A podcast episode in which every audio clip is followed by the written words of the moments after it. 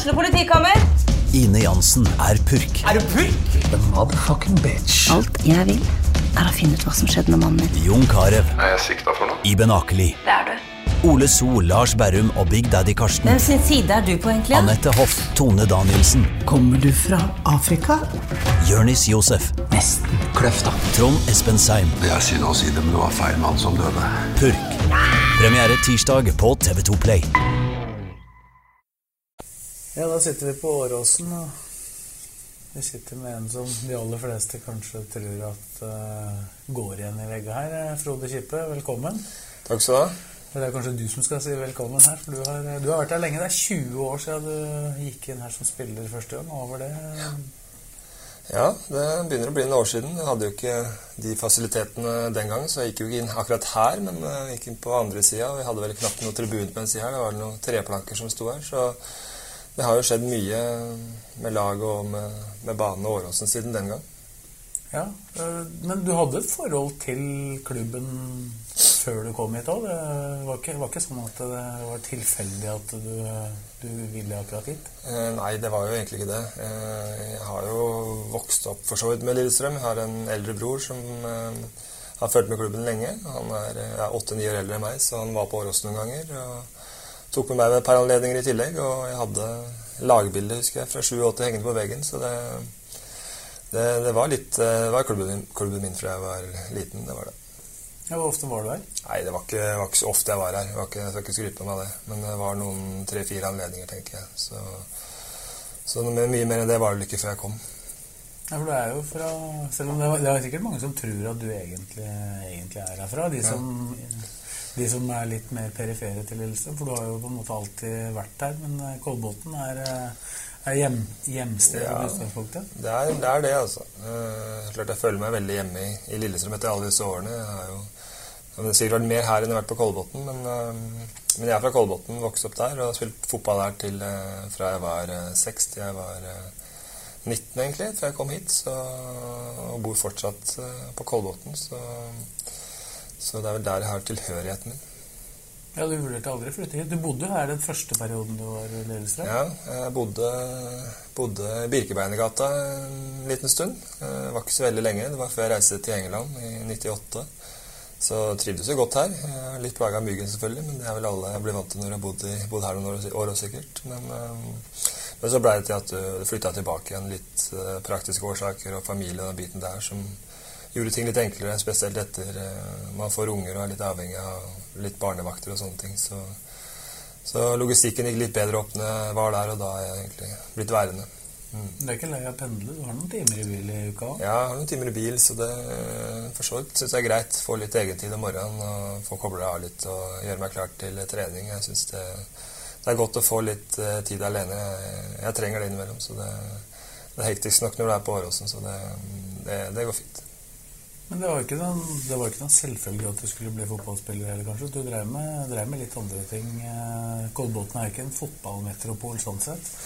Nei, Var det på damesida en periode? Ja, det var jo det. Det, det blei jo det når jeg var i Kolbotn. ble damefotballen ble stor, men klart eh, Kolbotn har jo et stort, uh, stort idrettslag. Det er litt som Skedsmo her, tenker jeg. Det er mange lag og mange som spiller fotball. Uh, når jeg vokste opp, så var det jo ikke så mye spissing i ung alder, for så vidt. Uh, spillerne holdt til, holdt til klubbene sine til de var ofte i hvert fall 16-17 før de bytta beite. og du fikk mye mer klubblag. da Det var ikke så mye sammenslåtte lag og så mye toppa lag den gangen. Så da hadde vi en veldig fin årgang, eh, 78-årgang på Kolbotn, som gjorde det bra. og Mange ivrige folk, og det var viktig for min utvikling i barneårene. Og trivdes utrolig godt med, med fotballen, gjorde det. altså. Så selvfølgelig så drev jeg en veldig varier, eller allsidig eh, idrettshverdag for, på den tida der. Jeg drev med mye forskjellige idretter. og og spesialiserte meg ikke for fotball før jeg var 15-16 år. Nei, da var, Fra da var det kun fotball? Fra da var det kun fotball. Eh, Det var det. Så samtidig så er det litt sånn Se litt eh, hvordan unger i dag drømmer om å bli proffer og komme seg ut og spille på de store, store klubbene. Så, så var liksom ikke det noe For meg så virka det så fjernt at jeg tenkte at jeg det kom ikke til å skje. Så jeg hadde liksom hadde ikke noen drømmer om det. for så vidt. Jeg syns det var, virka veldig veldig merkelig. Så jeg, for meg var det å kose seg med fotballen og ta liksom dag, dag for dag. Og, og kose meg med det. Og jeg hadde en veldig fin utvikling, spesielt i åra fra 16 til 18. Så, så, skjedde det mye, selv om jeg jeg har hengt med bra hele veien. Men det, det skjer ofte, i hvert fall min del skjedde det ofte et, eller når jeg kom på videregående og fikk eh, trent litt mer og spesialisert meg til fotballen, da hadde jeg en veldig god utvikling. Mm. Det var ikke sånn at hoppsporten gikk glipp av en, eh, en stor personlighet der, for du drev jo med det. Men det var kanskje, før, var kanskje før du fikk den store lengden at det gikk greit, eller? Det var eh, før jeg fikk lengden og før, eh, før Bokløv kom på banen, kan jeg si. Da, da, hang jeg godt med. Da var jeg, var krafthopper, og jeg greide å tråkke greit til på hoppkanten og kunne kaste meg litt ned i bakken. Men etter det ble mer mer flyveegenskaper som kom på banen, da da ble jeg for tung, og da nytta det ikke lenger. Selv om jeg hadde et håp i det lengste. Jeg trivdes godt med det. Jeg, jeg hoppa på ski like lenge som jeg spilte fotball. det ja, jeg gikk jo veldig fint de første årene, men som sagt så, så, skjedde det en utvikling der som ikke var til min fordel, og da var det naturlig å legge de skia på hylla. Ja, Er det sånn at du har friska opp litt i etterkant, eller la du dem på hylla for godt? Jeg la dem på hylla for godt, så jeg har ikke rørt hoppski etter jeg tok mitt siste hopp. Og tror jeg skal la dem ligge der noen år til. Hvor var det siste hoppet? Ja, Det var et godt spørsmål. Jeg lurer faktisk nesten på om det var i Holmenkollen. Altså. Var det da du bikka 100 eller? Nei, jeg var nok jeg var oppe lenger enn det før i Holmenkollen. I Holmenkollen kom jeg ikke så langt. Jeg var prøvehopper under kombinerte hopprennet i Kollen. og var fryktelig til ruskevær, husker jeg. Og Arne Skeie kommenterte til meg. og De var usikre på om de skulle gjennomføre rennet, og da, da sendte de meg selv ut prøvehopperne for å teste dette, denne bakken. og det det gikk jo skeis med de fleste. Jeg var jo nede i bakken sjøl og måtte ned med hendene der. Så de avlyste rennet. Og etter det så fikk jeg litt uh, fikk jeg nok, egentlig. Det her var ikke, var ikke, noe gøy, og det her er ikke noe jeg har lyst til å drive med lenger. Hva, hva er det å være skihopper og på en måte stå på toppen av en bakke og kunne hoppe 100 meter? Hva har det betydd for fotballkarrieren din? Ja, altså det er jo litt å holde fokus. Du blir veldig skjerpa i det du, du, er i. Det er ikke lenge du, du er fokuset for energiopp. Det er liksom 10-15 eh, sekunder, men eh, du er veldig skjerpa. Du er veldig detaljert og nøye i forberedelsene for at ting skal være, ting skal være maksimalt før du, du skal ut, utfor. Og, og, litt av det har jeg nok uh, fått med i fotballen, at du klarer liksom å å fokusere når du virkelig må, og være til stede når du virkelig må. For det, er du ikke det, så henger du ikke med. Og, det, og spesielt i skihoppinga så er det så, er så små marginer. Altså du må være på tå hele tida, gjøre de riktige tingene til hver tid. og det, det tar jeg med meg. Og så selvfølgelig ikke minst eh, treningen, som jeg har brukt mye tid på. I forhold til eh, hurtighetsspenstrening og den biten der. Som har gjort at jeg, om ikke er en eh, Ben Johnson, så har jeg i hvert fall Uh, ut, utgangspunktet var nok dårligere enn resultatet blei. Altså, jeg trente mye spenst og hurtighet da jeg var yngre. Og, og gjorde at jeg ikke sakta helt utover. Klart her Blir du altfor treig i fotballen, så er det ikke mulig å spille på det høyeste nivået. Så det gjorde at jeg klarte meg i hvert fall greit, og det, det har jeg takka hoppinga for. Var du ikke egentlig ganske rask? På, altså litt undervurdert faren din eh, på toppen av karrieren din sånn fysisk?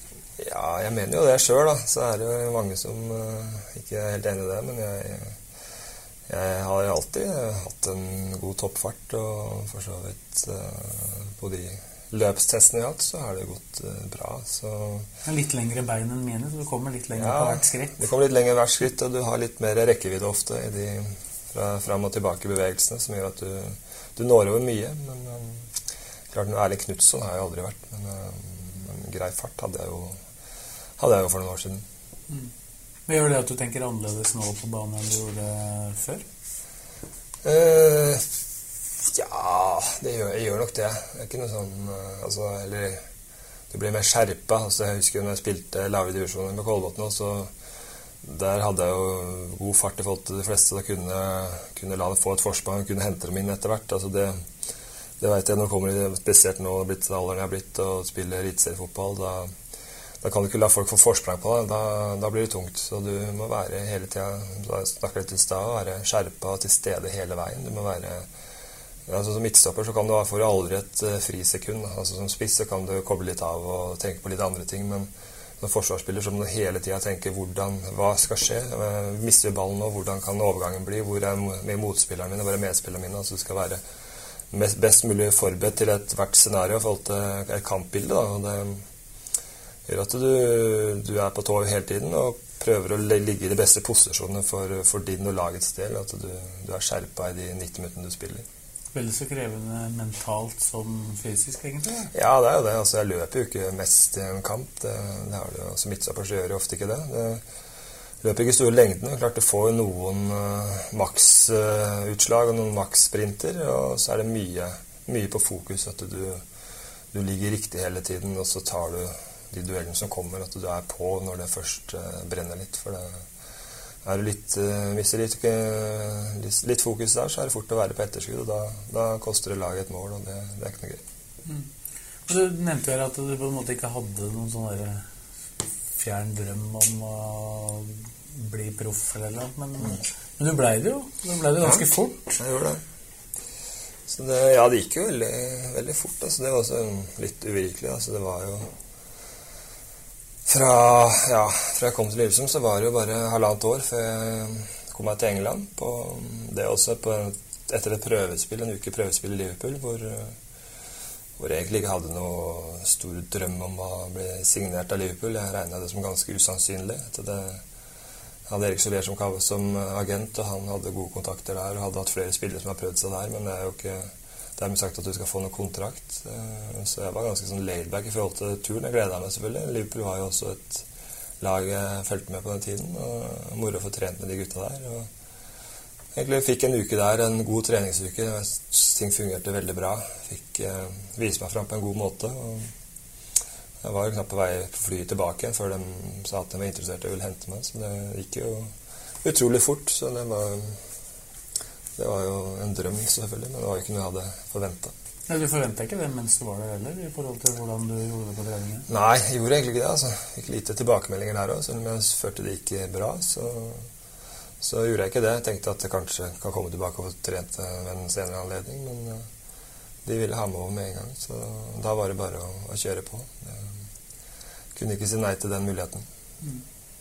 Og så blei det jo ikke kanskje helt sånn du hadde drømt om når du først signerte. For det blei eh, det, var, det, var no, noen flere som kom inn samtidig i samme posisjon, og noen managerforandringer osv. Du kan ja. fortelle om det. Ja, det var jo for jeg Roy Eben som hadde Liverpool fram til jeg kom. Hulier var jo med i tillegg. Han tok jo helt over etter jeg eh, kom dit i 99.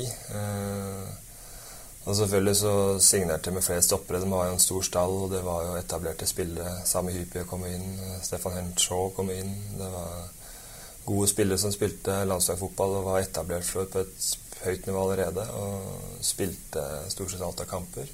Uh, og Carriger var jo der, selvfølgelig spilte litt stopper i den perioden. Så det var, uh, det var ikke så mange muligheter som kom. Det var ikke det. Uh, jeg trente selvfølgelig bra. Jeg fikk trent med med et uh, godt lag og utvikla meg godt det første året, syns jeg. Det var uh, gode medspillere og fikk spilt uh, selv B-lagsfotballen. Det er litt selvfølgelig litt tilbake sånn rammemessig, men likevel så er det god kvalitet og gode spillere du, du, du spiller med. Så I tillegg så hadde jeg jo et U-landslag som jeg spilte fast på hele første året der. og så fikk spilt en del kamper, hadde en god utvikling. Så selvfølgelig kommer du til et punkt da du, du må begynne å spille førstedagsfotball, og det det så ikke så veldig lys ut i Liverpool den tida der. og da for dem også ønska de at jeg skulle komme på et uh, låneopphold og få prøvd meg litt i engelsk fotball og se åssen det gikk. Og, og det var artig. Jeg kom meg til, uh, til Stoke ved to anledninger. Det var jo litt andre regler på um, prøvespill eller på låneopphold den gangen. Det var kun lov, kun lov å være på lån i tre måneder i strekk i en sesong. Så det ble to-tre måneders opphold av to, to, forskjellige år som, som jeg var i Stoke. Mm. Ja, det var jo på en måte For å snakke om Stoke der, Du var med på starten på det som etter hvert har blitt et lite eventyr eh, der òg? Ja, altså Stoke har jo tradisjoner. Du visste jo det kom, så det er et storlag som er litt nede akkurat for akkurat nå. Men klart de fikk, For da var de på nivå tre? Ja. Men da fikk de ny stadion og ja, med plass til 25 000-60 000. Det var mye folk på kampene utrolig dedikert uh, supporter. Veldig, uh, veldig bra, bra, sted på mange måter fått til å spille fotball. Og du merka at det var, uh, det var, en go i klubben, og de ønska seg tilbake i toppen. og Det, det jobba de hardt for, og vi var jo nære på et par anledninger med å kunne rykke opp også. Så klarte vi ikke det de åra jeg var der, men rykka opp ganske kjapt etterpå. det Men det var en utrolig artig opplevelse. Det var litt, litt, annen, litt andre rammer enn det var i Liverpool, men det var det var, det var tøff fotball, og det var ikke Det var, det var Ja, jeg fikk brukt mine kvaliteter veldig godt i tida i Stoke. Mm. For selv om du ikke står bokført med det vi nå kaller for Premier League-kamper, så, så, har du kamper for Liverpool? Ja, fikk to innhopp i to ligacupkamper. Så det var jo greit. Jo Fikk jo aldri prøvd noe ordentlig på min posisjon for Kommer inn første, første kampen som sentral midtbane. og det går egentlig greit. Vi mot Høll og vinner den kampen. Og så spiller jeg venstre back i kampen, andre kampen jeg får for Liverpool. Så litt uvant posisjoner, men selvfølgelig artig at jeg får prøvd seg. Selvfølgelig begge kamper på Anfield var gøy, var gøy å få vært med førstelaget ditt òg.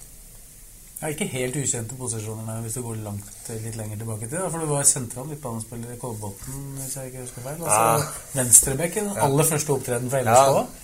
Jeg har spilt noen posisjoner. Sentral midtbane har jeg aldri vært, men jeg har vært øh, venstre kantspiller. var jeg faktisk helt til, øh, til jeg var en 17 år, tenker jeg. Før jeg hadde en, en trener i Kolbotn som mente at det her var ikke Altså, du gjør det bra der, men du har større ambisjoner større muligheter som, som midtstopper, og, og, plasserte meg der. Og jeg er jo evig takknemlig for at du tok den beslutningen. Det tror jeg har vært veldig riktig. Men ja, så kom jeg som sagt inn mot Stabæk her i første kampen som venstreback. og Husker jeg fikk en liten marerittstart. Jeg mistet ballen tidlig der, og Stabæk hadde en fryktelig overgang med leine keeper. Heldigvis bomma de, men uh, litt støkk i meg akkurat det. Det, ikke, det, var ikke der jeg ville spille sånn sett, men uh, du, du, spiller der du blir bedt om å spille. Da var det Even Pellerud som var trener for Lillestrøm, og det var jo en turbulent høst du fikk være med på, da, men, men du hadde jo kjempetillit. Fikk spille Uefa-cup og det hele. Ja, jeg gjorde det, altså. Jeg kom nesten inn med en gang. Det var ikke, var ikke lenge før jeg etablerte meg på laget. Det var vel etter den kampen der så ble jeg vel plassert på benken kampen etter. Og kampen etter der så kom jeg vel inn mot Viking borte. Fikk en omgang der. og så spiller jeg vel eh, fast etter det, tror jeg. Om det er Dynamo Minsk vi har kvalik kampen etter, hvor jeg starter og gjør det bra. og Tvente kvaliken etterpå og så for starte og gjøre det bra. Så det var, det var en god start. da. Det fungerte bra med en gang jeg kom på midtsoverplass. Og gjorde for bra, bra prestasjoner i de kampene jeg fikk muligheten. Det, så jeg er jo takknemlig for, at, for Even for at jeg, han ga meg muligheten. Det, det, er ikke så lett Det laget vi hadde på i 97 var jo et etablert, bra lag. Det hadde gjort det bra sesongen før. og selvfølgelig mange gode spillere her. Og det komme inn som 19-åring og, og, få plass med en gang, det, det sier seg det er ikke sikkert ikke alle som er like happy for det. Nei, men samtidig så var det jo, som jeg sa, en litt turbulent periode. Mye press på Pellerud etter hvert. Men du som da egentlig kan takke han for alt du opplevde fram til da. Hvordan er det for deg å være fersk i en sånn spillergruppe hvor det var en del misnøye med treneren? da? Ja, jeg skjønte jo det tidlig, at det var eh, ikke alle som var like happy med, med situasjonen her. Og, og så vi respekterer det, men altså, de ville jo Eller de, det ble jo et krav etter hvert at uh, Even måtte ut. Uh, uh, men jeg sa meg som nøytral, og det fikk jeg god forståelse for resten av gjengen også, at jeg kan ikke, kan ikke si at jeg ikke er fornøyd med situasjonen. Jeg har kommet ut og gitt meg muligheten, så, så jeg har jo ikke noe negativt å si om Even den tida der. De andre hadde hatt den i lengre tid og kjente den bedre, men jeg hadde jo knapt vært der før eh, han var på vei ut. Så, så det gikk fort, men jeg skjønte jo at det ulma litt når jeg kom. Selv så var jo Arne her som assistent og fulgte meg opp bra. Og kanskje han jeg hadde tettest eh, dialog med den tida, første tida jeg var her òg.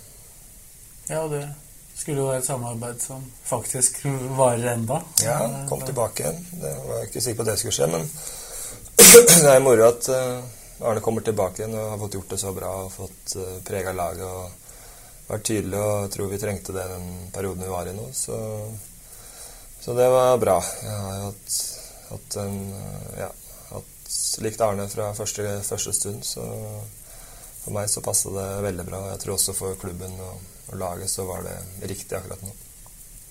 Ja, det var jo en sesong i fjor hvor dere da sleit uh, veldig. Og det har jo vært noen sånne sesonger. Hvordan er det å oppleve det etter at du har blitt så rutinert som du er, at uh, klubben du helst skulle ha brakt uh, suksess og langt øre på tabellen, sliter? Ja, det har vært sånn i mange år, har, eller i flere år nå. Vi ikke har selvfølgelig lykkes maks på banen. Samtidig så er det jo på mange måter mer gøy å være i en sånn sesong enn å være i en sesong hvor det bare ligger på midten og ingenting skjer, verken opp eller ned. Altså det, selvfølgelig så er det stress å være nede, men samtidig så gjør at uh, du spiller viktige kamper ofte, og det gir noe ekstra ved seg. og det er ekstra deilig å vinne viktige kamper. Så det gjør at du, du kjenner at du lever litt mer når du er der nede. Men klart det er slitsomt når du er der. Men det er utrolig god følelse når du klarer å, å, snu det og klarer å endre det og klarer å, å komme tilbake igjen. Den, eh, så ja, jeg, jeg, trives Selvfølgelig så ønsker du ikke å være nede, men du, trives, du ønsker å spille viktige kamper. Du ønsker å spille kamper hvor det er trøkk og det betyr noe. og Det, det har vært en del av det de siste åra. Det, det syns jeg er gøy. Ja, i hvert fall når, når, når enden er, er god. Ja, nå har jeg ikke vært på nedrykk ennå, så det er selvfølgelig det er tungt. Men når du klarer, som sier, når du klarer å snu det og klarer å lykkes med det, så ofte gjør det bra. Altså, det syns jeg vi har prestert godt, ikke bare i år, men tidligere også når vi har hatt kniv på strupen. Hvor vi har, ja, vi har vært nede allerede, så har vi klart å, å, snu det til vår fordel. Og vi har virkelig stått fram når det virkelig gjelder, når vi virkelig trenger det. og det, det har vært litt uh, Lillestrøm de siste årene at vi har løfta oss når det virkelig krevdes. Så det har vært en god egenskap. Mm. Men har det blitt litt sånn at Lillestrøm er best når du må, men når du kan? Så er det ikke like lett å ja. Hvis du begynner å se litt oppover ja. tabellen, og så ja. vinner vi de og de de kampene, og så kan vi havne mm. der, da er det ofte at laget kan svikte litt. Ja, det har vært det, da. Jeg har ikke fått kanskje det gode spillet vårt til å fungere over en hel sesong. At vi har variert litt for mye prestasjonene. Og selvfølgelig i sånne enkeltkamper hvor vi mobiliserer alt vi har, så klarer vi å få inn innsats og et trøkk i spillet vårt som gjør at vi bikker kamper til vår fordel. Og så er det selvfølgelig mange av de andre kamp i sesong som kanskje på papiret ikke betyr så mye, så er liksom, da må du ha et spill, og du må ha flyt, du må ha en trygg og gode lag og en ja, tydelig måte å spille på da, som har gjort at du kan være stabil over lengre tid. Vi har vel eh, vært altfor ustabile de siste åra til å kunne være med og, og, hevde oss der oppe. Og det er klart det, På sikt så er vi jo nødt til å, til å heve, heve bunnivået vårt og ha selvfølgelig de gode prestasjonene innimellom. Men nå kan kan kanskje si at du har eh Du har ikke den lange framtida foran deg i hvert fall som spiller, men du har signert en eh, ny ettårskontrakt. Blir 40 i januar. Det, mm. det er jo en milepæl, det i livet. Men du hadde kanskje ikke trodd at du skulle være fotballspiller da du passerte 40? Uh, nei, jeg, litt sånn som andre ting i livet mitt, at jeg planlegger ting veldig planlegger ting så veldig langt fra, fram i tid. Jeg har ikke så mange målsetninger sånn sett som kanskje mange andre har. Altså jeg tar nesten noen dag for dag og uke for uke og kamp for kamp. på en måte. Selv om det er litt kjedelig, det, så har det blitt sånn. at du, du altså Jeg veit ikke hva som skjer neste år. Jeg veit ikke hvordan kroppen er neste år. Så du, du hele tida er avhengig av å prestere der du er da, på, på et gitt tidspunkt. Du må levere fra uke til uke, og du må holde kroppen i gang fra uke så plutselig da, da får du resultater. Klarer du det å tenke sånn, så tror jeg det resultatet kommer av seg sjøl. Men det å kunne ha noe Klart det er noen er, har jo målsetninger, selvfølgelig, og det er ikke noe gærent i det, men jeg har ikke om jeg ikke har det for å være redd for å bli skuffa eller hva, det veit jeg ikke. Men jeg, er vanskelig for å se veldig mye lenger enn en uke fram i tid, nesten. Det, der syns jeg det blir vrient. Du kan ende på 399 kamper denne sesongen hvis du får med deg de siste mm. to. Hvor mye tenker du på sånt kampantall, mest spillende i Lillestrøm, eh, mens du er aktiv? Ja, Det er liksom jeg sa i stad, at jeg veldig, tar veldig liten plass i min tankevirksomhet. Jeg registrerer selvfølgelig, men for meg å jeg har ikke noen målsetting om å passere 400 kamper. Jeg har ikke noen målsetting om å skåre ti mål. altså jeg jeg veit at de resultatene kommer hvis du klarer å levere hele tiden og være skjerpa på hver eneste fotballøkt og passe på kroppen din og være nøye, så, så vil ting komme. Og da får du heller se tilbake etter en karriere på hva du har oppnådd, og så får du kose deg litt med det da. Men akkurat uh, nå så det, betyr det veldig lite for min del. Mm. Mm. Eh, hvis vi går fem år tilbake, så skjedde det jo noe i familien din. ene sønnen din eh, ble ramma av kreft. Hvordan har det påvirka deg og tankesettet? Det er jo I forhold til det å ikke planlegge langt fram i tid, så passa vel den inn i den syklusen? Ja, det gjorde det. Det snur opp ned på, på, livet totalt. Det er ikke noe tvil om det. Det kom brått på, og du øh, Ja, det er jo én ting som betyr noe. Det er familien og, han. Å få han frisk og støtte han og støtte familien og være der. Det, det er det som er i fokus da. Da klarer du ikke å kombinere det med fotballen i den perioden det, det sto på som verst. Og da ble den satt til siden. Og jeg brukte tida på de nære og hjemme. Det det får jo selvfølgelig livet litt i perspektiv. Jeg har vært skåna for mye opp gjennom åra. Hatt uh, fin flyt og sjelden opplevd sånne situasjoner. Så det, det, snur litt opp på ting, og du ser ting på litt annen måte. Og det, du verdsetter ting kanskje enda mer. Altså det, jeg vet ikke hvor mye du forandrer deg på sikt, men uh, det gir en støkk i deg. Det gjør at du reflekterer litt over ting uh, videre i livet. og det jeg håper og tror at jeg har blitt et ja, utvikla som person etter den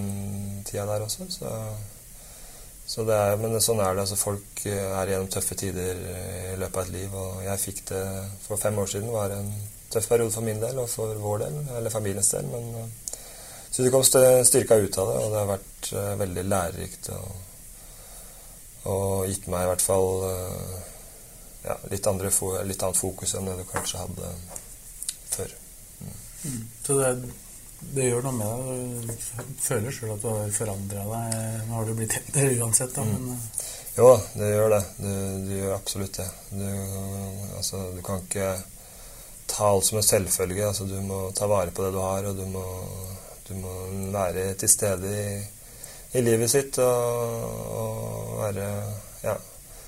Og leve mens man kan. Altså, ting snur veldig fort, og det har jo skjønt at ting ting kan gjøre. Så, det, så samtidig så er jo livet skjørt, og det, du kan aldri gardere deg mot noe. Men, men ja, du må, må, kose deg og nyte livet når du har muligheten. Det er ikke noe tvil om det.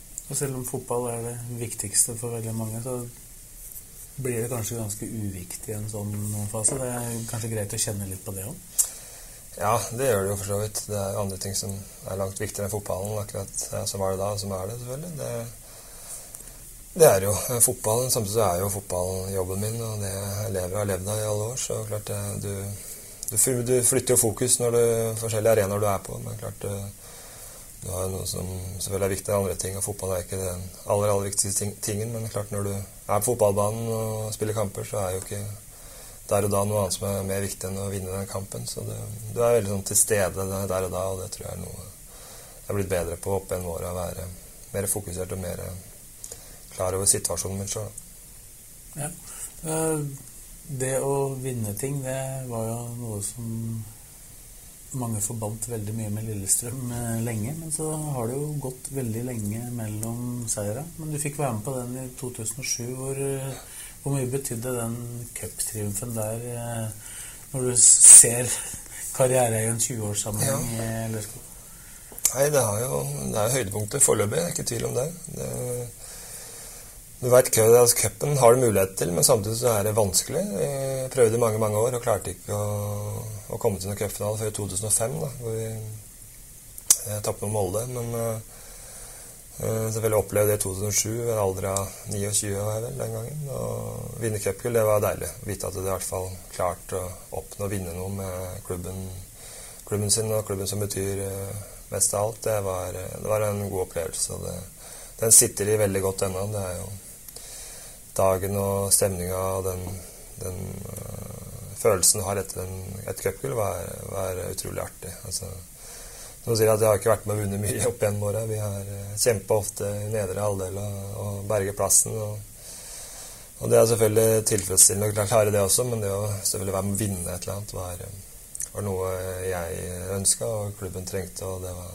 det var en god opplevelse. Det, du skjønner kanskje ikke helt den følelsen før du har vært med å oppleve det. Så du får prøve å, å motivere gutta til å trøkke til og gjøre en god prestasjon mot Sarpsborg. Det, det, er ikke like gøy å tape cupfinalen. Jeg har vært med på det òg. Ja, det var det jeg skulle til å følge opp med å spørre om. Hva, hvor kan du beskrive den forskjellen? Du står ute på matta der og ja, har tapt og vunnet. Poenget er at du er litt sånn, litt sånn redd for å gå i den følelsen at du I 2005 så var du overlykkelig å komme i en cupfinale. og kanskje litt for tilfreds bare ved å være i finalen og oppleve stemninga av Ullevål. Altså det tipper jeg litt sånn for de gutta som kommer inn nå også. at det kom på Ullevål 25 000-30 000 trøkk. Det er liksom det er noe spesielt ved å være der, men uh, pokker ta, altså, man må klare å prestere den dagen der og så være til stede og vinne kampen. Altså, tap det Selvfølgelig å spille en cupfinale, men du blir fort glemt. Altså, klarer å vinne noe, så er det ofte et høydepunkt for uh, kommer til å bli et høydepunkt for mange gutter her eh, for sin fotballkarriere. Så det, det gjelder å mobilisere alt og påkalle gi alt i den matchen her. At vi, den skal vinnes. og Det er ikke godt nok uh, å ikke gå derfra med seier. Det, det blir en liten viktig oppgave før, uh, før Sarpsborg-kampen. En av de som ble mester med deg i 2007, og som også var med å tape i 2005, Anders Rambekk, han hadde opplevd begge deler også for Odd. Han sa til meg en gang at når du står på Ullevål og har uh, tapt en cupfinale, så skulle du ønske at du hadde blitt slått ut i semifinalen. Ja Jeg tror kanskje det er sånn, i hvert fall hvis du ikke har vært med på det før. Altså tape to finaler må være fryktelig tungt. Men det er utrolig gøy å oppleve en cupfinale. Det, det, er det jo, men klart det er 10 000 ganger gøyere å vinne den cupfinalen. Og det, det innser du jo etterpå at det, det er veldig artig å ha vært med i cupfinalen, men har opplevd både å vært med og det å vinne, så er jo det å vinne million ganger bedre. ikke sant? Det er jo det, er jo det men det er klart det er alltid gøy med cupfinale, men det er ikke for min del så er det ikke noe gøy å være i cupfinale og tape. Det, det, det er det ikke. Nå har dere fordelen av at både du og Arne Lansen har jo opplevd begge deler, så det kan jo kanskje få formidla noe av dette. Hvordan, hvordan, vil du Nå er det noen dager til ennå, men dere skal berge plassen i serien først. Ja. Men når dere først kommer dit, hvordan vil du jobbe med gruppen? Nei, Vi får bare prøve å mobilisere litt sånn som vi har gjort i de kampene mot Sogndal-kampene. og de kampene liksom vi må vinne for å, for å berge plassen, liksom. Det her gjelder det er på liv og død å vinne kampen her. Altså det, tape her, så så dør vi. som Erlandsen ville sagt. Så det gjelder liksom å få inn viktigheten av kampen. Jeg tror vi, Jo viktigere kampen er, jo bedre spiller vi. Og det å skjønne at det er viktig å vinne den kampen, det, det blir viktig. Og da selvfølgelig ha gode treninger som vanlig før, før eh, matchen. Og, og, gjøre ting riktig. Og så skal vi være skjerpa der ute og ikke la oss bli prega av uh, atmosfæren og rammene rundt, som er selvfølgelig litt annerledes enn det du er vant til fra hverdagen her. Er det lettere å si enn å utføre i praksis? Ja, det er det. Det, er det. det blir litt Folk merker jo det sjøl når de kommer dit, så er det fort å miste litt av det fokuset som vi egentlig har. Og det, det gjelder å prøve å få alle til å være på. Altså det å få folk til å prestere på sin, på sin beste måte. og det, Da skal en være fokusert og selvfølgelig være, være til stede og ikke bli prega av, av, ting rundt. Men det, det, tror jeg vi skal klare bra, håper jeg. Selv om du ikke ser langt fram i tida og inn i glasskula, hvor, hvor er Frode Kippe om fem år? Mm -hmm, ja, ja. Da regner jeg ikke med at du spiller. Nei, du gjør ikke det, nei. nei det er, eller, tror, eller gir en åpning ja. for det? Nei, altså jeg har ikke noe, for så vidt noen tanker om det. Uh, hva jeg, om jeg spiller eller ikke. Men uh, ja, jeg har jo vært Fotball har vært uh, livet mitt i mange, mange år, så um, jeg ønsker jo å måtte fortsette i fotballverdenen og være, være med. Jeg gjør det. Så får vi se hvilken rolle og hvilken stilling, posisjon det, blir. Men, men jeg håper og tror at jeg er er i Lillestrøm og involvert i fotball. Det hadde vært i hvert fall det jeg ønsker. Hva Tenker du trenerkarriere, eller tenker du eh, mer på det administrative, sportslige, eller hvor, hvor ser du for deg sjøl? Altså, jeg tror jeg kunne passa til begge deler, for så vidt. Jeg har eh, vært i lyset mange år og har mange stort nettverk og bekjente i byen og området her. så kunne nok helt sikkert bidra på markedssida. Samtidig så har jeg jo en fotballerfaring som jeg, kan, eh, som jeg tror jeg kan eh, være med å bidra til i forhold til unge spillere som kommer opp. Og være med å utvikle nye, nye toppspillere i Lillestrøm. Også noe som høres veldig spennende ut. Så jeg har vel ikke helt låst meg hvilken stilling eller hvor jeg vil være om, om noen år. Men, eh, men, jeg føler at jeg har mye å bidra med fortsatt i den klubben her. I, i kanskje litt andre roller enn selvfølgelig du har i dag. Men så får vi se hvordan ting er. At ting snur seg veldig fort eh, både i livet og på fotballbanen. Så det er ikke så lett å planlegge altfor mange år fram i tid. Men eh, Lillestrøm vil fortsatt være på en måte det du helst vil bruke tida di på? Ja, altså det jeg, tenker nå, så er det jo det. Altså, Lillestrøm har vært, vært hele livet mitt omtrent, sånn arbeidsmessig. Så en klubb som betyr noe, en klubb du har fått følelser og kjærlighet for. og det, det kommer aldri til å forsvinne. Så den klubben her vil jeg alltid ha en stor del av eh, plassen i hjertet mitt. og det og det har tatt fantastiske år her. Det har vært grunnen til at jeg har vært her i alle år. At jeg har trivdes utrolig godt både med folk i byen, supportere, medspillere, trenere. Alt har vært utrolig bra. Da. Og det har gjort at du har hatt, hatt, hatt det bra. Og det, det ja, jeg er utrolig takknemlig for at mulighet har vært her i så mange år. Så får vi se hva tiden bringer. Hvis du skulle på en måte se for deg trenerkarriere på sikt, da, da har du hatt noen trenere opp gjennom året. Hva, hva, har du tatt med deg, hva har du lært? Og hvem, hvem vil du plukke opp mest fra?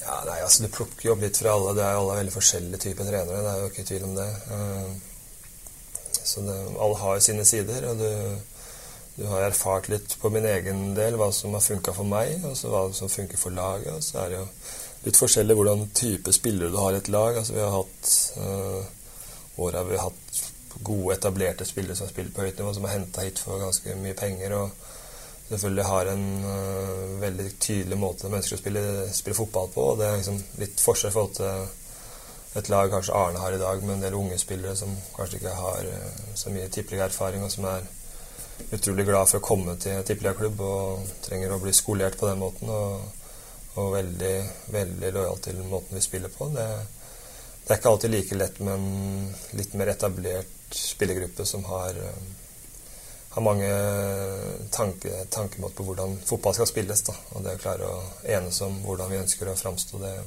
det kan være utfordrende til tider. Men eh, ja, jeg, tror at jeg, er fornøyd med, med altså alle trenerne som har vært i Lillestrøm, har hatt bra ting ved seg og ting du ønsker å å ta med deg videre. Så jeg skal vel ikke gå og si at den ene var bedre enn den andre, men, men det har vært, vært, mange nyttige eller mange ting du har plukka opp, opp gjennom åra. Det har det vært.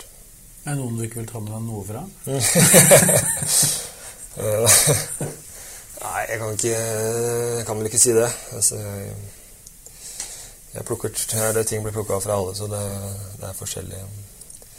Det er klart, du tar ikke med deg alt fra alle. Det vil jeg ikke gjøre. det blir kanskje litt vanskelig å få sydd ja, sammen det, til en Det har ikke alltid vært like positivt og like riktig, tror jeg. Men alle har jo en felles ønske om å gjøre klubben mest mulig. Så er det hvordan, hvordan, hvordan det gjøres, og hvordan Ja. Så Men stort sett har liksom vært flinke til å finne trenere, og trenere som har har vist seg at de er gode og dyktige på det nivået der, og de har Ja. vi det er vel ikke der problemet har vært de siste årene. Sånn.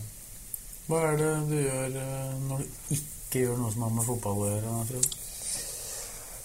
Uh, ja, hvis jeg ikke har noe med fotball å gjøre, så er jeg jo veldig Hvis jeg er litt yngre, eller når jeg var yngre, så er jeg veldig allsidig av meg. Jeg liker jo å drive med idrett generelt. da.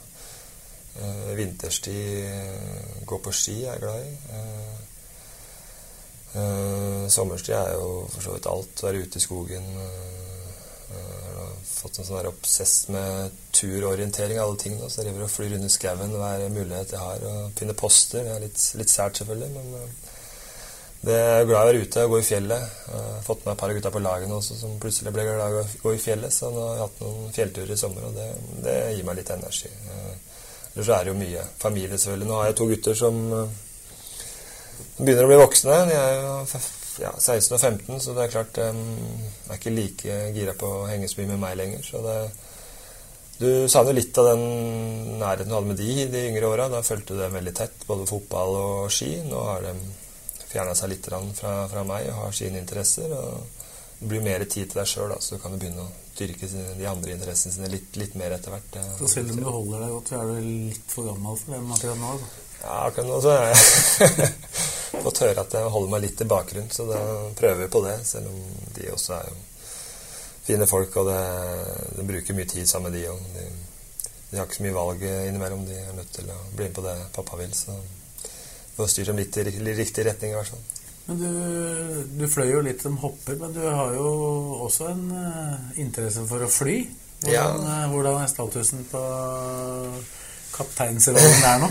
ja, jeg hadde jo egentlig det. altså jeg hadde alltid hatt en drøm om å få flysertifikatet. Prøvd med et par anledninger uten å greie å få gjennomført det. Det er jo litt tidsbegrensa hvor lang tid du har å ta den uh, sertifikatet på. Og, og, jeg hadde jo egentlig sett for meg en, et liv som uh, yrkespilot. Da. Det var det som var drømmen. Uh, men så blei jo egentlig tida gikk, og jeg fortsatte å spille fotball. Og tenkte at jeg kan jo spille fotball sikkert en stund framover òg, så da ble det liksom Når du passerer 30, da må du liksom ta et valg. Da må du enten hoppe av fotballen og gå all in der, eller så får du For du satser på fotballen, og det ble vel egentlig det etter jeg passerte 30, så skjønte jeg at nå, nå er det for seint, så nå er det bare å ha fokus på fotballen. Men uh, klart, fly er jo noe jeg fortsatt drømmer om, så kanskje en, en gang at jeg får i hvert fall et Småflysertifikat det ser jeg ikke bort fra. Får du plass i et småfly? Ja, jeg gjør det. Så jeg har vært oppe noen ganger. Jeg har hatt noen turer, så det er utrolig artig. Det, det er det, altså. Så, så, jeg trives godt, selv om um, ikke alltid huet er like med på noen av de flytene jeg har vært på. Så tror jeg det blir bedre med tid, det òg. Det er en tidligere spiller som er eh, flyver. Drapak, du har ikke rådført deg der? Ja, jeg har faktisk snakka litt med han om det for noen år siden. Han hadde vel litt det samme interesse som meg. Han også holdt jo på med fotball ganske lenge før han starta med det. Eh, og han trives jo utrolig godt med det. Så klart det, det var jo fristende en liten periode. Det var det. Men uh, som sagt så er det litt sånn Ja, kapittelet er gått, eller er ferdig egentlig, så nå, nå er vel ikke det en del av framtida, eller ja, mi i hvert fall. Det tror jeg ikke. Utested Klimt i Lillestrøm skal skifte navn til Gevir. Har du fått med deg det? Der skal det visst bli et bord som skal kalles opp etter deg. Skal det det? Nei, det har jeg faktisk ikke fått med meg. Og det, og det, skal være afterski-sted, så, det, så, så, det, så det betyr at det er lov å stå på bordet, antagelig? Ja, jeg regner med at det er et solid bord. da. Jeg tåler en liten støyt. Ja, det, det har jeg ikke fått med, men uh, da er det kanskje på tide å, å ta et besøk dit òg, i løpet av vinteren. Yes. Ja. Nei, det skal skje viktige ting framover, eh, Frode. Og du må forberede deg til det. Så da takker vi for praten. Så snakkes vi igjen om ikke så altfor lenge. Det gjør vi. Takk skal du ha.